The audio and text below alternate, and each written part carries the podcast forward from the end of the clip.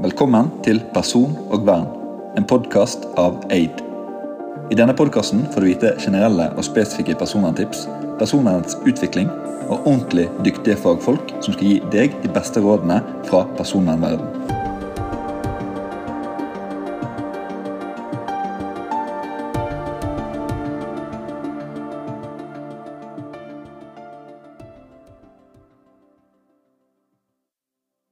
Velkommen til en ny episode av Person og vern, en podkast av oss i Aid.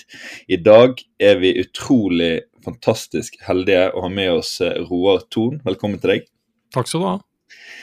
Jeg, eh, med eller uten din vilje, så tar jeg en liten introduksjon. Eh, og det at Du er da fagdirektør i sikkerhetskultur i Nasjonal sikkerhetsmyndighet, altså da NSM. Det, det stemmer, eller har du fått en ny det, det er riktig. Det er helt riktig. Ja.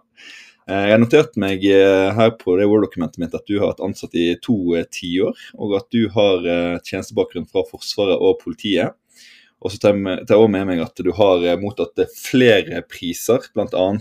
i taktprisen og OSPA-prisen. Og begge er egentlig for at du er en engasjert og god foredragsholder, og ja, viderebringer dette med sikkerhet da, på en effektiv og forståelsesmessig måte til publikum. Og I tillegg så har du faktisk over 1400 foredrag. Jeg vet ikke om de tallene der er oppdatert? Ja, den, akkurat den er ikke oppdatert, for i forrige uke så runda jeg 1800. Så mm. jeg, er på, jeg, er på, vei mot 2000. Det er, sånn, det er, ikke, det er ikke, et mål, men det er et, det er et morsomt tall. Uh, men jeg lever litt uh, av mottoet at det er bedre å være etterspurt enn etterlyst, pleier jeg å si. Så det er ja. ja. for jeg tenkte på det, for jeg mener jeg har sett noe om det der at du hadde flere, så det var bra du, bra du fikk sagt det. Eh, og Du snakker jo jevnlig om det her med sikkerhet og personvern i media, at det er henta ut fra NSM sine sider. Også for min egen del, det kommer vi tilbake til, så har du vært eh, gjesteforeleser på Høgskolen i Innlandet. Spesielt eh, i hvert for min del, da, i faget sikkerhet i cyberdomenet. Og du, du holder sikkert eh, flere sånne gjesteforelesninger, ser jeg for meg. Ja, jeg håper å si Jeg har vel vært runden rundt på de aller fleste, i hvert fall universiteter og høyskoler, som, som toucher innom eh, både rent teknolog-IT og, og, sikkerhet, samfunnssikkerhet, eh, beredskapsutdanninger som sådan. Så jeg er privilegert som får lov til å formidle fag på vegne av NSM eh, på noe jeg brenner for. da. For å ta det litt sånn forfra, um, og det er ikke sikkert at absolutt alle lytterne vet det, siden jeg vet jo veldig mye om deg. og jeg er på en måte ikke flau over å si det, at jeg har jo eh, sett opp til deg i en lang tid her nå. Men, men, eh, hvem er du, og hva holder du på med i hvilken jobb? Nå er det tre spørsmål på rappen her, men ja. Nei, altså jeg har jo vært i Nasjonal sikkerhetsmyndighet uh, i uh, snart 20 år. Uh, min egen organisasjon er også 20 år i år. så jeg kom dit som yrkesoffiser i 2003 for å drive med egentlig litt spesielle ting. For å drive med personellsikkerhetsarbeid. Fordi jeg hadde jo en bakgrunn fra politiet og Forsvaret, militærpolitiet, Forsvaret, hvor jeg i all vesentlig grad drev med etterforskning. vanskelige samtaler med mennesker i vanskelige situasjoner, kan man godt si det som. Og det fortsatte jeg med i NSM, eh, fordi NSM da er ganske sentrale innenfor eh, sikkerhetsklarering av mennesker som skal ha tilgang på informasjon som er av høy verdi for eh, nasjonale sikkerhetsinteresser.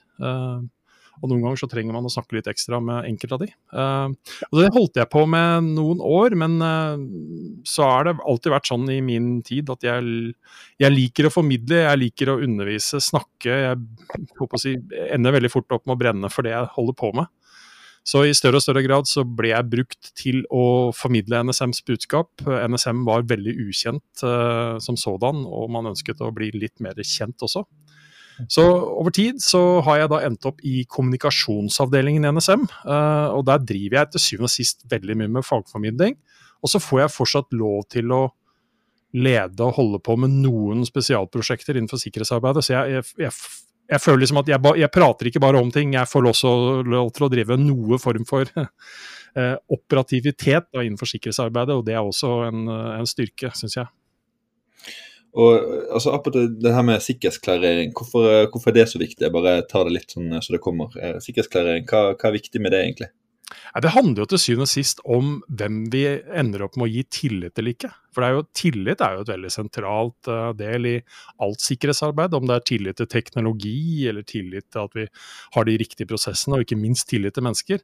Så, så det handler til syvende og sist om å, å gjøre noen forundersøkelser på hvem er det vi da skal vise denne tilliten, eh, før de slipper til å få tilgang på, på, på sikkerhetsgradert informasjon da, som uh, som mange, i hvert fall offentlige etater, og etter hvert også noen private virksomheter, også innehar og forvalter. Og Det mener jeg jeg husker jeg har lest faktisk eh, på nett, enten din egen nettside eller om det var Nasjonal sikkerhetsmyndighet. Eh, det her med at du setter det her med menneskelig atferd eh, jeg skal si, Kall det forrang foran det her med det teknologiske. At du, du, du har litt fokus på, på det menneskelige.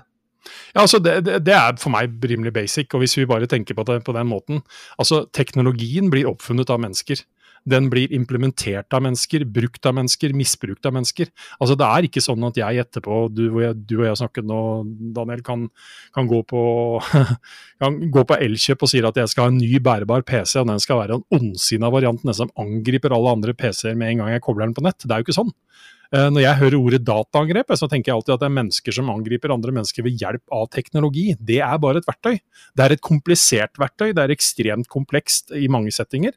Men mennesket er så sentralt inn i dette her, da.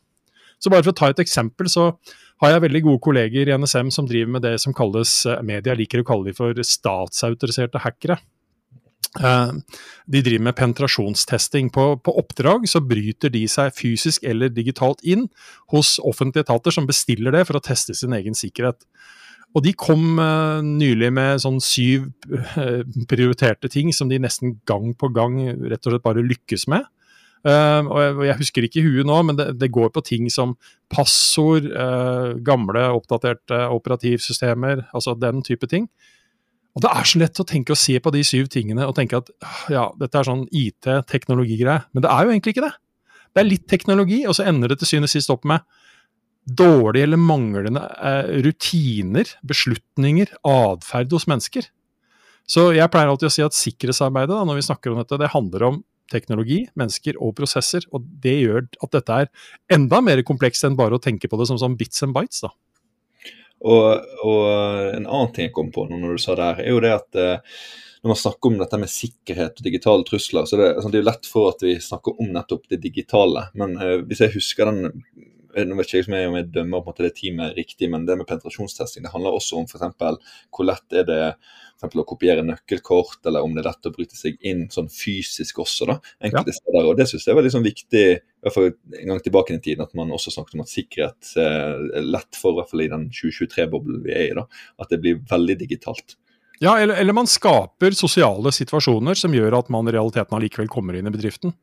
Uh, for man kommer inn med en historie og ser ut som en eller annen uh, å si, håndverker, snekker osv. har historien klar og har kanskje litt bakgrunnsinfo og påstår at man er den og den, og det haster litt osv. Og, og så er det, jo, det er jo en sånn interessant greie at alle de menneskene vi putter i stillinger som er sånn serviceorienterte, eh, sånn i resepsjon og den type ting, de er jo serviceorienterte. Det er ja-menneskene, ikke sant.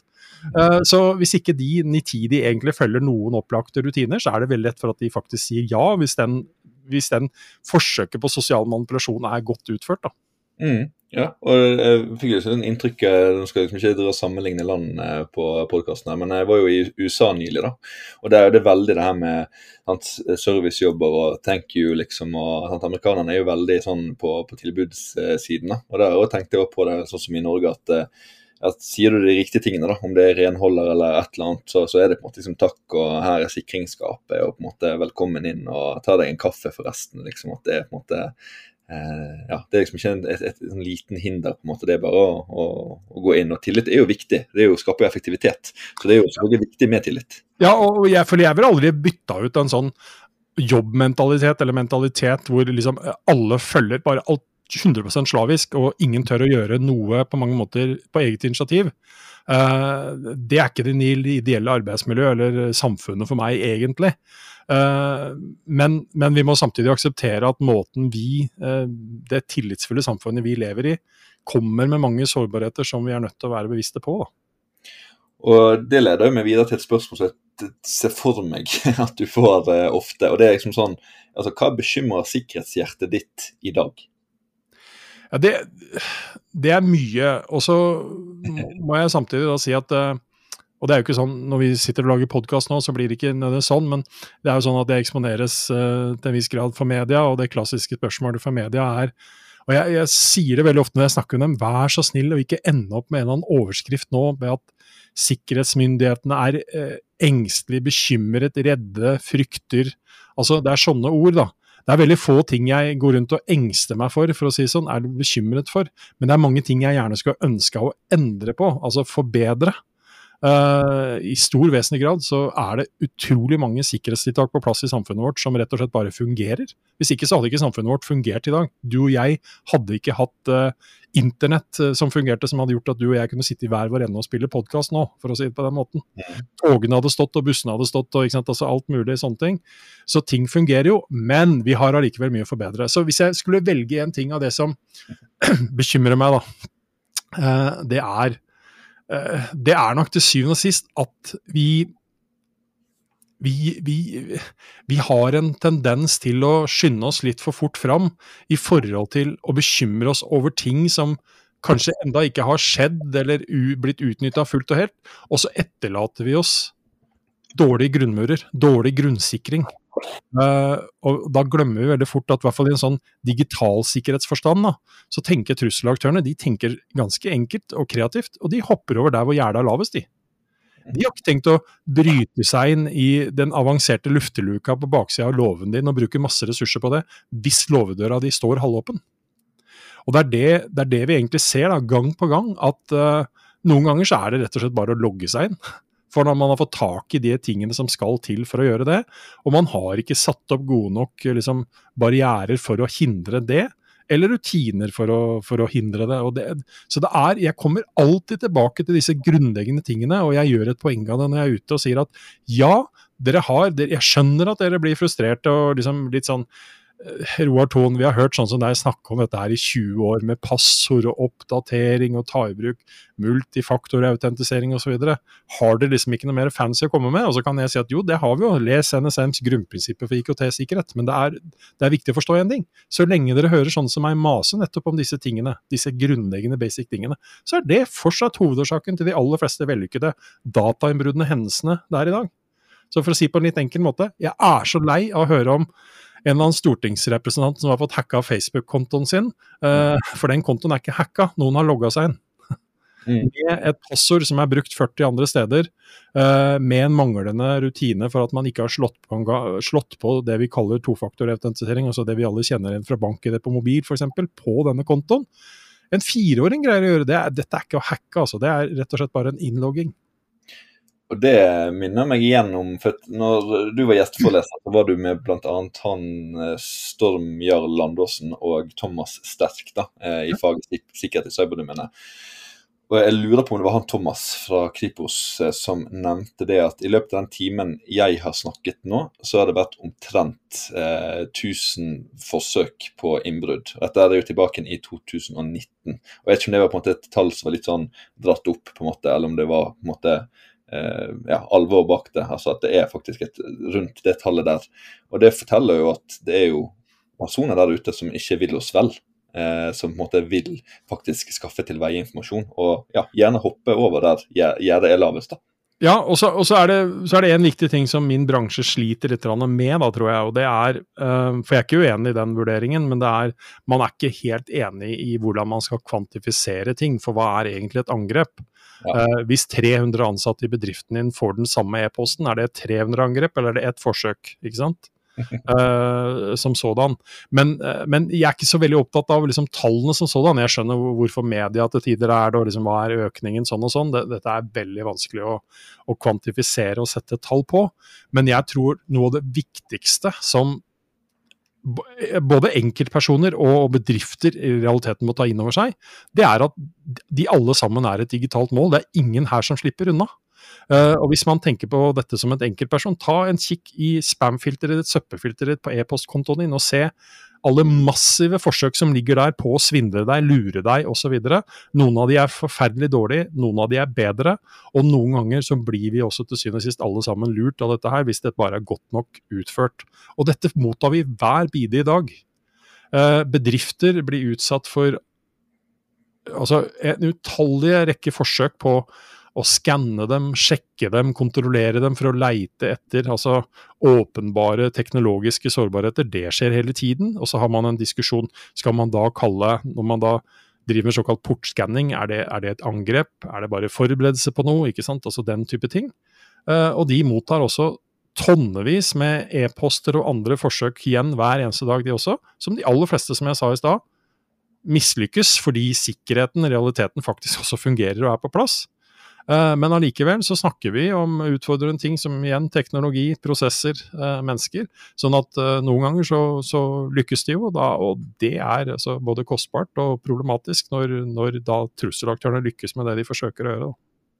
Jeg har jo venner av meg som er både eldre, mer kompetente og har jeg, høyere stillinger, som har nettopp blitt utsatt for kall det de enkle tingene, da, som du sier, men som allikevel er såpass autentiske da, at man tenker at hm, kanskje dette er ja, Om det så er en e-post, da, jeg vil bare fortelle det helt banalt. Eh, kanskje dette er fra en kollega eller det er fra en, eh, en leverandør, faktisk, som er sånn, liksom, typisk eksempel, det òg. Eh, også om det klikkes på en lenke eller et eller annet, eller man tenker at det her er riktig person. Så, så det viser jo bare at, uh, at, det har utviklet seg. Og det der du nevnte med 'skynder oss for fort frem', det minner meg òg om da når jeg skrev bacheloroppgave om uh, personvern. Så intervjuet jeg noen om det her med altså, noen som jobber i en litt større bedrift innenfor sikkerhet og, og personvern. Og Da spurte jeg òg det samme spørsmålet som jeg gjorde til deg. Og så fikk jeg pokker meg det samme svaret der òg. Og det var det at et sånn retorisk spørsmål. Har vi digitalisert oss over fartsgrensen? Og jeg tok jo det direkte sitatet inn i bacheloroppgaven, for jeg syns det var så, såpass eh, pent sagt. da, mm. At uh, det går såpass fort nå at, uh, at, det går kanskje for fort. Uh, for fort, og Man har på en måte ikke noen fartsgrense eller noen teknologiske fremskritt som man har implementert i bedriftene, som er sånn ja, tofaktorautentisering eller multifaktorautentisering eller eh, andre ting. da. Og Du nevnte jo òg det her med verdi, trussel, sårbarhet. At det ikke er vits i å ha en heftig sikkerhetslås eller eh, system hvis det, det, du skal sikre er en eh, falleferdig låve. Det husker jeg faktisk at du, ja. at dag. Og så tror jeg det er også viktig å forstå at altså, alle har behov for sikkerhet, men det, er, det vil være forskjell på hvem du må forholde deg til. Eh, hvem er trusselaktørene, hva forsøker de å gjøre med deg, avhengig av om du heter Florine Blomster og selger blomster på hjørnet, kontra eller om du heter Kongsberg Defence og Aerospace og er i forsvarsbransjen og våpenbransjen. Så er det liksom Alle trenger sikkerhet, for alle blir truffet av tilfeldighetsperspektivene. Altså alle de tusenvis av ulike forsøkene vi møter hver eneste dag som vi finner i spamfilterne våre. Eh, men det er klart at er, du i, er, du i, eh, våpenindustrien og for, forsvarssektoren, så uh, bare som et eksempel, så, så, så, må du forholde deg til at du også kommer til å møte helt andre aktører som, er, som, som da igjen kan være villige til ganske langt å, å bruke igjen avanserte metoder for å lykkes, fordi der er innsatsen betydelig høyere enn å stikke av gårde med kassabeholdningen til Florineblomster, for å si det sånn. da. Mm. Så, så det, er, det, er, forskjeller der, men, men, jeg tror noe av det aller, aller viktigste som, som jeg nesten jeg tror jeg hvert eneste foredrag uh, prediker, og det er å forstå at vi alle sammen må forholde oss til dette. her. Fordi enda så møter jeg på ledere innenfor både offentlig og privat sektor, som snakker om dette her som at det er sånn at de ikke trenger å forholde seg til dette her fordi de holder til på en eller annen sånn langs uh, kyststripa vår på et eller annet sted, uh, litt uh, utilgjengelig, eller kommunen har bare 2500 innbyggere, eller bedriften har bare 20 ansatte holder på med dette, men det er ikke det det er snakk om. Du har en digital tilstedeværelse. Og dette er ikke lenger en fysisk geografisk verden. Du, du står overfor krefter som da sitter hvor som helst i verden. Og når de sender ut ting, så har de ikke peiling på om de har endt opp i Horten eller Ørsta eller Hamar eller hvor det er. De bryr seg ikke, de kommer til å forfølge det for alt det er verdt, når muligheten byr seg. Og de har kanskje lagd e-posten på norsk, så de veit at de har sendt ut til Norge. Men det er det, er det de vet, sånn, sånn i tilfeldighetsperspektivet. Og så er det selvsagt sånn at uh, igjen, vi kan snakke om de målretta tingene hvor dette er helt annerledes. Da går man løs på kanskje bare én ansatt, én bedrift, med et helt klart uh, måloppnåelse. Og da endrer jo dette spillet seg i betydelig grad, men det er så viktig for oss å forstå det tilfeldighetsperspektivet. For Hvis ikke, så har vi en veldig sterk tendens til å minimalisere vår egen verdi i betydning, og så sier jeg men jeg driver bare med dette, jeg. Jeg holder bare på med økonomi, jeg, så ingen er liksom jeg driver på, på, renhold og jeg jobber i kantina. Men, ja, men det spiller ingen rolle, for du har en e-postadresse som er den digitale veien inn til alle disse verdiene som virksomheten din har. Mm. Og du, du, har jo egentlig svart litt på det nå, men uh, jeg våger meg fremdeles å trekke meg litt ut igjen. og det er sånn, er det, altså, Hvor er det bedrifter eller vanlige folk har mest å hente på sikkerhet i dag?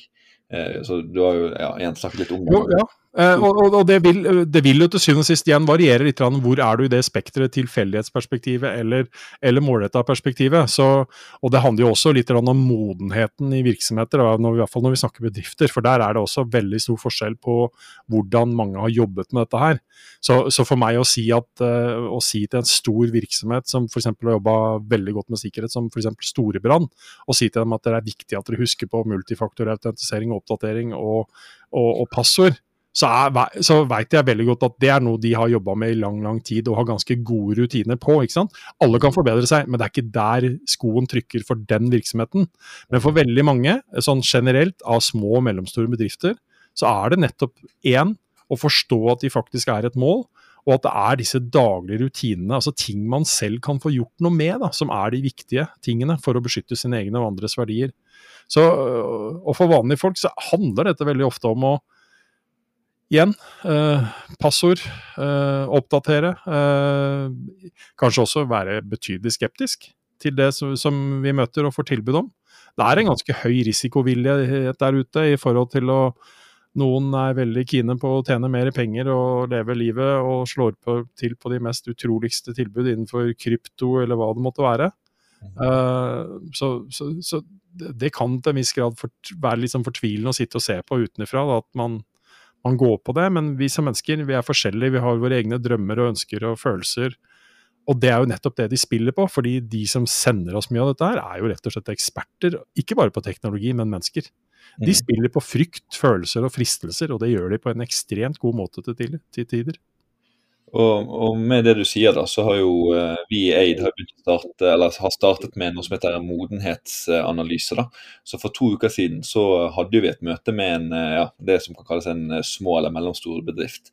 Og Selv om vi har på en måte litt briller på det her med personvern, så kommer vi dessverre ikke utenom informasjonssikkerhet, for det henger tett sammen. Mm. Og Da var det bl.a. det her du sier det med multifaktorautentisering som en helt sånn grunnleggende ting. Og det med adgang kort. Det trenger ikke være adgangskort. Det kan egentlig bare være en lås.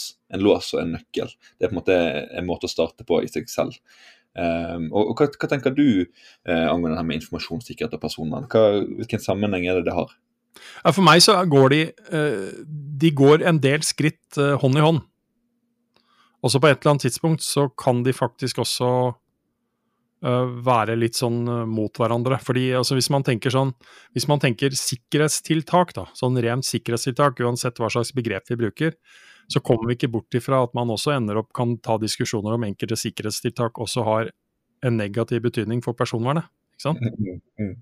Så, så, så idet vi begynner å overvåke, følge med og styre, styre for mye, så har det et personvernspørsmål i seg også.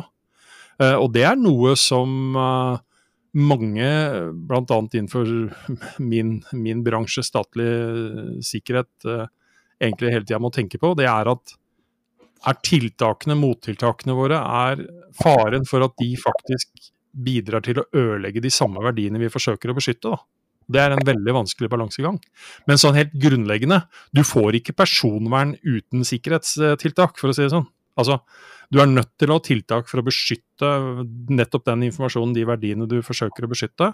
Eh, men igjen, det går, det går et eller annet sted. Og så er det, og dette er en kjepphest fra meg, og dette bruker jeg og Jeg sikkert, brukte det sikkert når jeg hadde foredrag for deg òg for noen år tilbake. Og det er liksom at vi, hvis vi tar informasjonssikkerhet, da, så består det av tre ting. Vi ønsker oss konfidensialitet, integritet og tilgjengelighet. Og jeg hevder at vi veldig mange steder fortsatt har en betydelig slagside på at vi i realiteten kun bekymrer oss om en av de. Konfidensialitetsperspektivet. Og den er veldig, den er veldig sterkt drevet av personvernhensynene, øh, føler jeg, opplever jeg. Og så glemmer man litt de to andre tingene. Fordi, og jeg har brukt et veldig personlig eksempel, og bruker det enda i mine foredrag. I 2016 er jeg pasient på Ahus. Det er kritisk meg, det står om livet mitt. I den situasjonen som pasient, i situasjonen jeg befinner meg i, et, sett i et informasjonssikkerhetsperspektiv, da. Hva er, det, hva er det jeg virkelig skal være mest bekymra for da? Er det at noen har uvedkommende har hacka seg inn i sykehussystemer og vært i stand til å se pasientjournalen min, altså som går på konfidensialitetsperspektivet dette her, er det liksom det verste som kan skje meg i den situasjonen jeg befinner meg i? Er det at uh, noen har kommet seg inn i systemet, endra på mine og andres verdier, blodtyper, allergier osv., som kompliserer behandlingen av meg uh, når jeg først er der? Altså integriteten i informasjonen som er der. Uh, eller er det at noen har overtatt all kommando og kontroll over alle sykehussystemer og verktøy som skulle vært brukt til å redde livet mitt den dagen? Og jeg, vet du hva, jeg hadde valgt det siste ti av ti ganger tilgjengelighet. At rett og slett bare ting må fungere i krisesituasjoner. Uh, og, jeg hadde, og, jeg har sagt det, og jeg vet at jeg provoserer fortsatt en del mennesker når jeg sier at jeg hadde gladelig latt flere tusen mennesker lese pasientjournalen min den dagen i bytte mot at alt annet fungerte optimalt mm. for å redde livet mitt. Og, og, jeg sier ikke at konfidensialitet da ikke er viktig. For hvis ikke pasienter og innbyggere og kunder kan stole på at vi passer på informasjon på god nok måte, så går det på tilliten løs. Så vi er, vi er ekstremt avhengig av å ha ha, ha, konfidensialitet på plass, men vi er nødt til å sette den i en større sammenheng med altså rett og slett de to andre tingene. fordi ikke minst med gjennom digitalisering og teknologibruk, så har vi tatt i bruk tonnevis med teknologi som f.eks. på et sykehus indirekte direkte redder menneskeliv hver eneste dag, men som i motsetning for 20 og 25 år tilbake kan nås digitalt fra hele verden av krefter som ikke nødvendigvis vil oss vel, og det er vi nødt til å ta inn over oss på en større måte.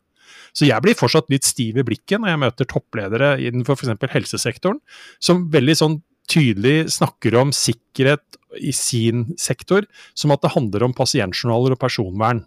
Ja, jeg skjønner at jeg er helt med på at det er viktig, ekstremt viktig, men det er noen andre elementer man tydeligvis da ikke har tatt inn over seg.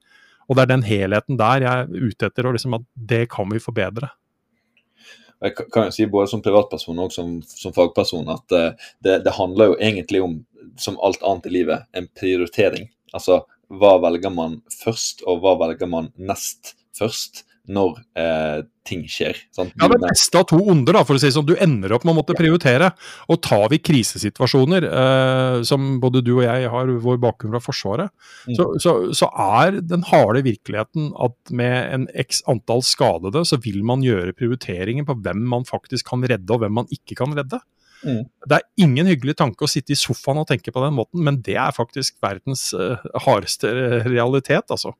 Uh, og så så, så, det er liksom Du får ikke alt oppi den ene sekken og kan ta med deg alt hele tiden. Du er nødt til å gjøre noen valg underveis, og, og i hvert fall forstå at det fins flere alternativer enn bare liksom, konfidensialitetsperspektivet som jeg snakker om her nå. Uh, det tror jeg er viktig. da. Ja, og Det du innledningsvis startet med, det, det trakk jeg med en gang parallelt til, eh, til uh, Tor Aksel Busch og uh, denne NOU-en 2022-11 eh, som Personvernkommisjonen la frem. For Der er jo det bl.a. én ting som trekkes frem som er nøyaktig og presist eksempel til det du sier. og det her med Eh, om jeg ikke husker feil, politiregisterloven paragraf 1 og forordningen til den. Fordi at der handler det om at hva skal vi overvåke, og skal vi i det hele tatt overvåke? Og hva kommer først, personvern, eller kommer uh, det her med bekjempelse av kriminalitet uh, først? Og der uh, husker jeg i hvert fall Tor Aksel han var klar på det at personvern må ha første rang, men som han hadde reagert på, har annen rang. Men som, som igjen, da, når vi liksom diskuterer litt sånn åpent og fritt her nå. Jeg ser jo for meg at det er en grunn til at det ble skrevet en gang. At man ønsker igjen å beskytte samfunnsborgerne, men at man stiller betimelige spørsmål til det. Det er jo liksom helt åpenbart en demokratisk prosess, eh, syns jeg. Så liksom, jeg reagerer ikke på det i det hele tatt. Men at som du sier, da, at det er personvern og, og det med informasjonssikkerhet. At det kan både gå hånd i hånd, men det er enkelte steder at der det faktisk går imot hverandre også. Ja, altså, uten tvil. Og, det, er, og det er til syvende og sist liksom, ok, hva ender vi av? Vi, vi, vi, har jo i Norge da en, en, unik mulighet til å sitte i vårt fredelige, rolige land og gjøre og diskutere en rekke forskjellige ting og mene som vi selvsagt skal kunne uh, mene mye om, om, mye og ha våre meninger om ulike prioriteringer. Men, men, jeg, men jeg, tror sånn hvis vi skulle forflytta oss uh, noen, uh, noen, mil ned til Ukraina da, og spurt om hva er det de mener da er viktigst, er det er det, er det, befolkningens sikkerhet og selvstendighet? Er det, er det viktigere med de eventuelle tiltakene man må, må, ha for å faktisk fortsatt sørge for at det har man? Eller skal personvernet trumfe alt, liksom? Altså, altså, nå setter jeg det veldig på spissen, men, men, men, det er jo til syvende og sist altså, i hvert fall i fredstid da, så kan det være veldig, veldig behagelig å ta sånne diskusjoner uten egentlig å ta inn over seg de aller verste konsekvensene rundt det. Og så mm. er det jo bare å håpe at man ikke kommer i sånne dilemmaer, øh, og at vi opplever sånne dilemmaer, dilemmaer sjøl. Mm. Men, men, det er jo akkurat det, at uh, når, når uh, man må ta en beslutning, så må man prioritere. Jeg tenker at det er liksom uh, litt av det, det, jeg trekker ut av det du sier, da. At man kan ikke alltid ha hovedregler for hovedregler, men man må ha unntak. sant? Altså når det hvis det er skadd eller det er pasient eller eh, så, i, Ja, og i, og i det sykehuseksempelet mitt da, så, så, har jeg jo illustrert dette her, og jeg avslutter illustrasjonen med en gravstøtte hvor det står 'Han døde, men pasientjournalen hans var heldigvis sikker'. Altså, ikke sant, igjen, hvor ender du opp med å, hva, hva er prioriteringen her? Uh, og jeg, tror de, jeg, jeg, er rimelig sikker på at de aller fleste er jo ganske enige med meg at uh, hva man hadde ønsket selv å, og fått prioritert. Mm. Og greier vi å gjøre begge, begge settingene i, i, samme, samme greie, så er jo ikke noe bedre enn det uh, som sådan. Men uh, ja. Absolutt. Uh, jeg syns det der er et helt nydelig eksempel. Jeg liker at man, må, at man kan sette det på spissen. Og, og, og for å liksom, bruke det som et liksom sånn leverage da, videre, så har jo du både på din egen side og som jeg kan huske Nå har jeg ikke sosiale medier i 2023, et større prosjekt jeg holder på med, da. men jeg har jo ivrig fulgt med på både Twitter og LinkedIn, og der mener jeg at du har noe som heter sikkerhetsutfordringer i gamle dager. Og jeg syns det er en ganske artig og humoristisk måte å fremme ganske alvorlige og tunge sikkerhets-, etterretnings- og personvernsperspektiv. Eh, og jeg har tatt med én. Eh, eh, altså det er ikke sikkert i gamle dager, men det er en eh, tweet da, der du skriver at sikkerhet, safety og security handler ikke bare om å forhindre at noe skjer deg, det handler like mye om å ikke utsette andre for fare og risiko. Piloten i jagerflyet forstår raskere konsekvensen av dårlig sikkerhet enn byråkraten på kontoret. Ja, Og den, den, er faktisk nytta opp imot uh, sikkerhetsutfordringer i gamle dager, eller hashtag vintage security. Som, som, så jeg har faktisk i snart tre år uh, hver eneste dag kommet ut med bilder, uh, og de bildene er i all vesentlig grad svart-hvitt. De er gamle. Altså, de er fra gode, gamle dager. Vi snakker 1800-tallet, 1900-tallet. Uh, og så fungerer hjernen min sånn at jeg veldig fort er Altså, jeg er veldig visuell, så jeg ser disse bildene, og så får jeg en eller annen tekst i hodet. Forhåpentligvis morsom, mener jeg, da. Uh, og så har det vært ganske hyggelig mottatt uh, å gjøre det på den måten. Og det gjør på en måte at, og dette er jo mitt private lille hobbyprosjekt, uh, men det gjør at jeg også får ut litt sånn si, frustrasjon, og kan si ting som, på en litt ironisk måte som jeg kanskje ikke kunne, kunne gjort i en sånn som hovedrolle som sådan. Uh, men, men, men akkurat, akkurat, den du trekker fram der, som er ganske nylig noe jeg har skrevet, er noe allikevel som Det ligger med meg tidligere. Fordi, Uh, som jeg sa, jeg får jo også lov til å drive med litt andre ting. Og i min NSM-karriere så var jeg hva ble det, åtte år, seks år, jeg husker ikke helt i farta, så hadde jeg et sikkerhetsoppdrag knytta til uh, utviklingen av uh, det jagerflyet Norge endte opp med å kjøpe, F-35. Mm. Eh, fordi F-35 det ble utvikla som et joint-prosjekt mellom en rekke Nato-land. Uh, og Norge har vært med der egentlig fra dag én, uten at man hadde bestemt seg for å kjøpe jagerflya. Men utviklingen av et sånt produkt uh, er omgitt med utrolig mye strenge sikkerhetsbestemmelser. Uh, og det var de sikkerhetsbestemmelsene der jeg hadde som ansvar, og sånn sett da forvalte å følge opp overfor de menneskene som da skulle ha tilgang på en del informasjon rundt dette jagerflyet. Det er alt fra politikere uh, til, uh, til, piloter, til byråkrater, til forsvarsansatte med ulike roller. Og det, det, handler litt om hvordan jeg kunne observere disse ulike gruppene, og hva, hvordan jeg måtte, måtte, snakke om disse tingene ulikt for å få fram budskapet på at de faktisk måtte ta disse tiltakene på alvor. Og da, er, da ligger det jo nettopp i det at altså den som potensielt skal ende opp med å fly dette flyet, skjønner jo ganske umiddelbart at man har en egeninteresse av å, at, at, liksom, at både at det skal funke, at ingen er i stand til å tukle så mye med det, eller at andre, noen vet allerede hva svakheten er og har utvikla mottiltak med det, sånn at det går fort et visst sted når, når man bruker det. Uh, mens det ikke er like enkelt å få byråkratene til å forstå de langsiktige konsekvensene, for de oppleves ikke så nære. nære. Jeg har brukt en annen måte å si det på noen ganger, og det er kanskje litt mer sånn safety-prega, men alle skjønner hvorfor det, er ganske smart å bruke hjelm og ikke røyke på en oljeplattform. Fordi det er til syvende og sist deg selv og andre det går ganske fort utover hvis det ordentlig går galt. Men det er, det er, vanskeligere å få en, en, en byråkrat jeg, jeg, jeg, sier ikke det, det er ikke et negativt ord for meg, men det er vanskeligere å få en byråkrat som sitter et eller annet sted i Oslo, til å forvalte informasjon som dersom den når andre og rette part, også kan føre til at den oljeplattformen går i lufta. For det oppleves det, det, blir en sånn litt sånn abstrakt situasjon. Det er veldig mye som skal skje før at det skjer. Og det oppleves i hvert fall ikke som et sånt fysisk problem for deg selv. da. Fordi du kommer til å være trygg. Du sitter i et annet, et eller annet bygg i Oslo. ikke sant? Så, mm. så, det er noe med den litt sånn indre motivasjonen og forståelsen av, uh, av risiko da, uh, som blir tydelig for noen og veldig, eller betydelig mer utydelig for andre. og Det er man nødt til å bruke litt ulike metoder for å få fram på en god måte, sånn at man forstår alvoret. Jeg vet ikke om du har lov til å si noe om det, men uh, Eh, hva, hva, endte det på en måte opp med når du eh, sånn, du, du, prøvde jo å balansere pent på linpinnen her sant? og uh, kommunisere sånn at både piloten og byråkraten forsto det. Fikk du, eller Opplevde du å få frem på en måte, budskapet ditt? Og... Ja, ja, absolutt. absolutt. Det, det, gjorde jeg. Men, men, jeg tror sånn sett at det er veldig viktig at man da nettopp hvis man skal være den som formidler sånne ting, forstår at målgruppene er forskjellige har ulike motivasjonsforhold, altså og det er ulike faktorer som spiller inn. Og det må man sånn sett da spille på tilbake igjen for nettopp å nå fram. Mm.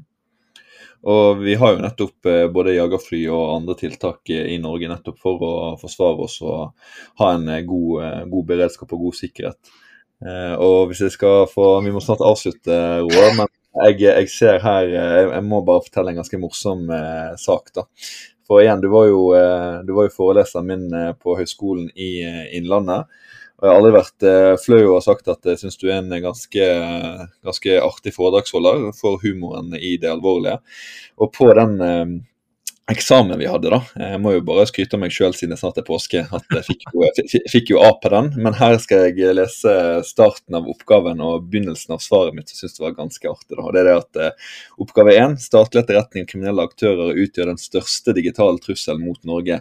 Så står det Roar Thon med Nasjonal sikkerhetsmyndighet under forelesning på Rena at, at, du har sagt dette her. Ja, det, det gjelder fortsatt. Ja.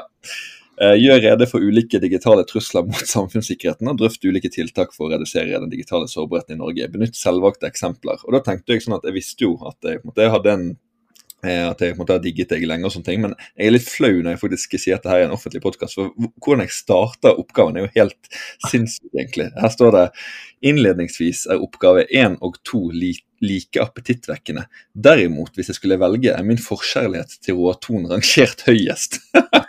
og så begynner jeg å gjøre rede da, om det her med digitale trusler og sånne ting. Så jeg syns det var litt uh, du, du, fikk nå en A, da. Men si, det er kanskje meg som skal begynne å bli flau her, men ja. Uh, ja. Jeg blir svett når jeg leser dette her, ikke sant. Uh, og så videre, da. Og, også for å liksom, trekke inn dette med sikkerhet og ta litt ned. Sånn, Nå har vi vært oppe på jagerfly, nå skal vi liksom ned på stikkontaktnivå. For jeg mener at det var deg, det var i hvert fall en av tre gjesteforelesere jeg sendte denne mail til. Uh, og det, det, Dette er oppriktige unge Daniel Osen som lurer på. Og Da spør jeg, da sitter jeg på flyplassen så spør jeg at nå er jeg på flyplassen, bla, bla, bla. Du har nettopp holdt forelesning eh, for meg, bla, bla. Um, hvis jeg stikker inn en stikkontakt i flyplassen, vil jeg da overføre data til jeg, fiender? Eh, ja, noe lignende sånn som det, spør jeg. Og du svarer jo på eminent vis at altså stikkontakt i seg selv overfører ikke data, men bare strøm. Men at hvis, det, hvis du putter inn USB-inngangen din i noe på en offentlig flyplass, da kan data være flyktig. Er det noe som er noe som stemmer i dag også, eller kan, kan man ja, altså, altså rent, rent, teknisk så er jo, det, er jo, det, riktig. Altså Strøm er strøm. Uh, USB er strøm og data. Og det, det, åpner for helt andre muligheter. Så i våre reiseråd så snakker vi, snakker vi klart om at og, men, men, forstå meg riktig nå. Altså, Hvis dette hadde vært et enormt problem på norske flyplasser, for å si sånn at alle fikk liksom hacka PC-ene sine og mobilene sine osv., så, videre, så så hadde vi lest om dette her i VG og Dagbladet, og jeg hadde sannsynligvis snakket høyt og lavt om og advart mot det, og det har vært gjort tiltak mot det. Så, så, det er ikke det at det problemet er veldig stort i, i, i en sånn nasjonalt perspektiv, men man må forstå at hva som faktisk lar seg gjøre, og når man plutselig reiser til land som, som kanskje være, er helt uh, betydelig større grad problematisk, uh, og da snakker jeg ikke nødvendigvis om Ola Kari heller på ferietur som sådan, men, men andre mennesker som kanskje har et høyere grunn til å passe litt ekstra på, Eh, så kan det være smartere å ikke stikke USB-en inn i lade, ladebordet på hotellrommet ditt, for å si det sånn, for å lade PC-er og, og, den type ting, men rett og slett bruke strømkontakten.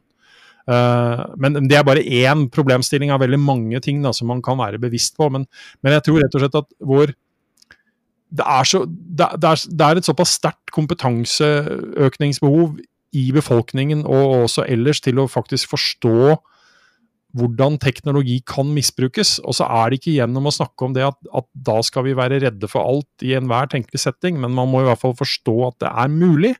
Og så er det ikke sikkert at man tilhører den gruppa som skal være mest aktpågiven i forhold til det, men, men jo, jo, flere som forstår hva som er mulig eller ikke, er i hvert fall et bedre utgangspunkt. da.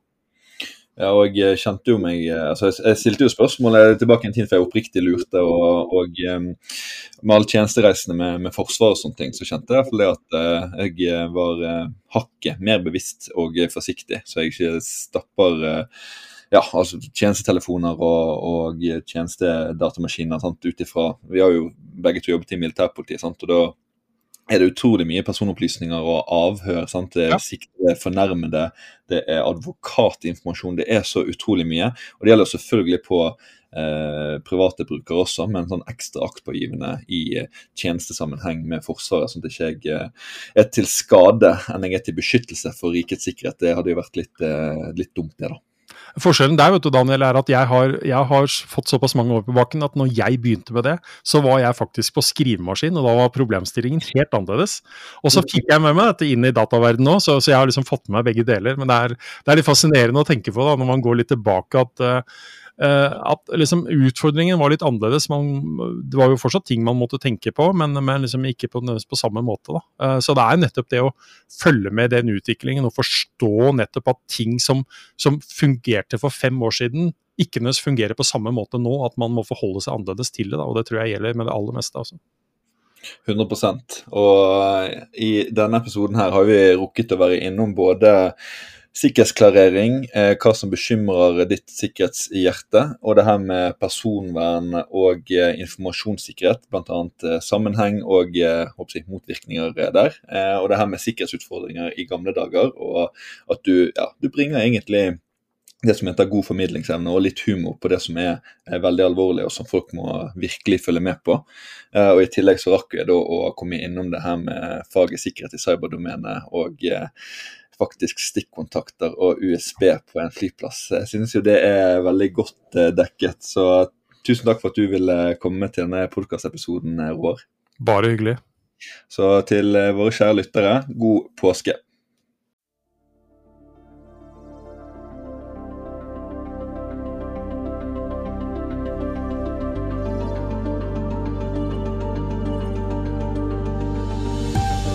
Du har nettopp lyttet til Person og vern en podkast av Aid. Har du innspill, ris, ros eller vet om noen som burde gjeste vår podkast? Send en e-post til hello, alfakrøll, aid.tech. Hello, alfakrøll, aid.tech. På gjenhør.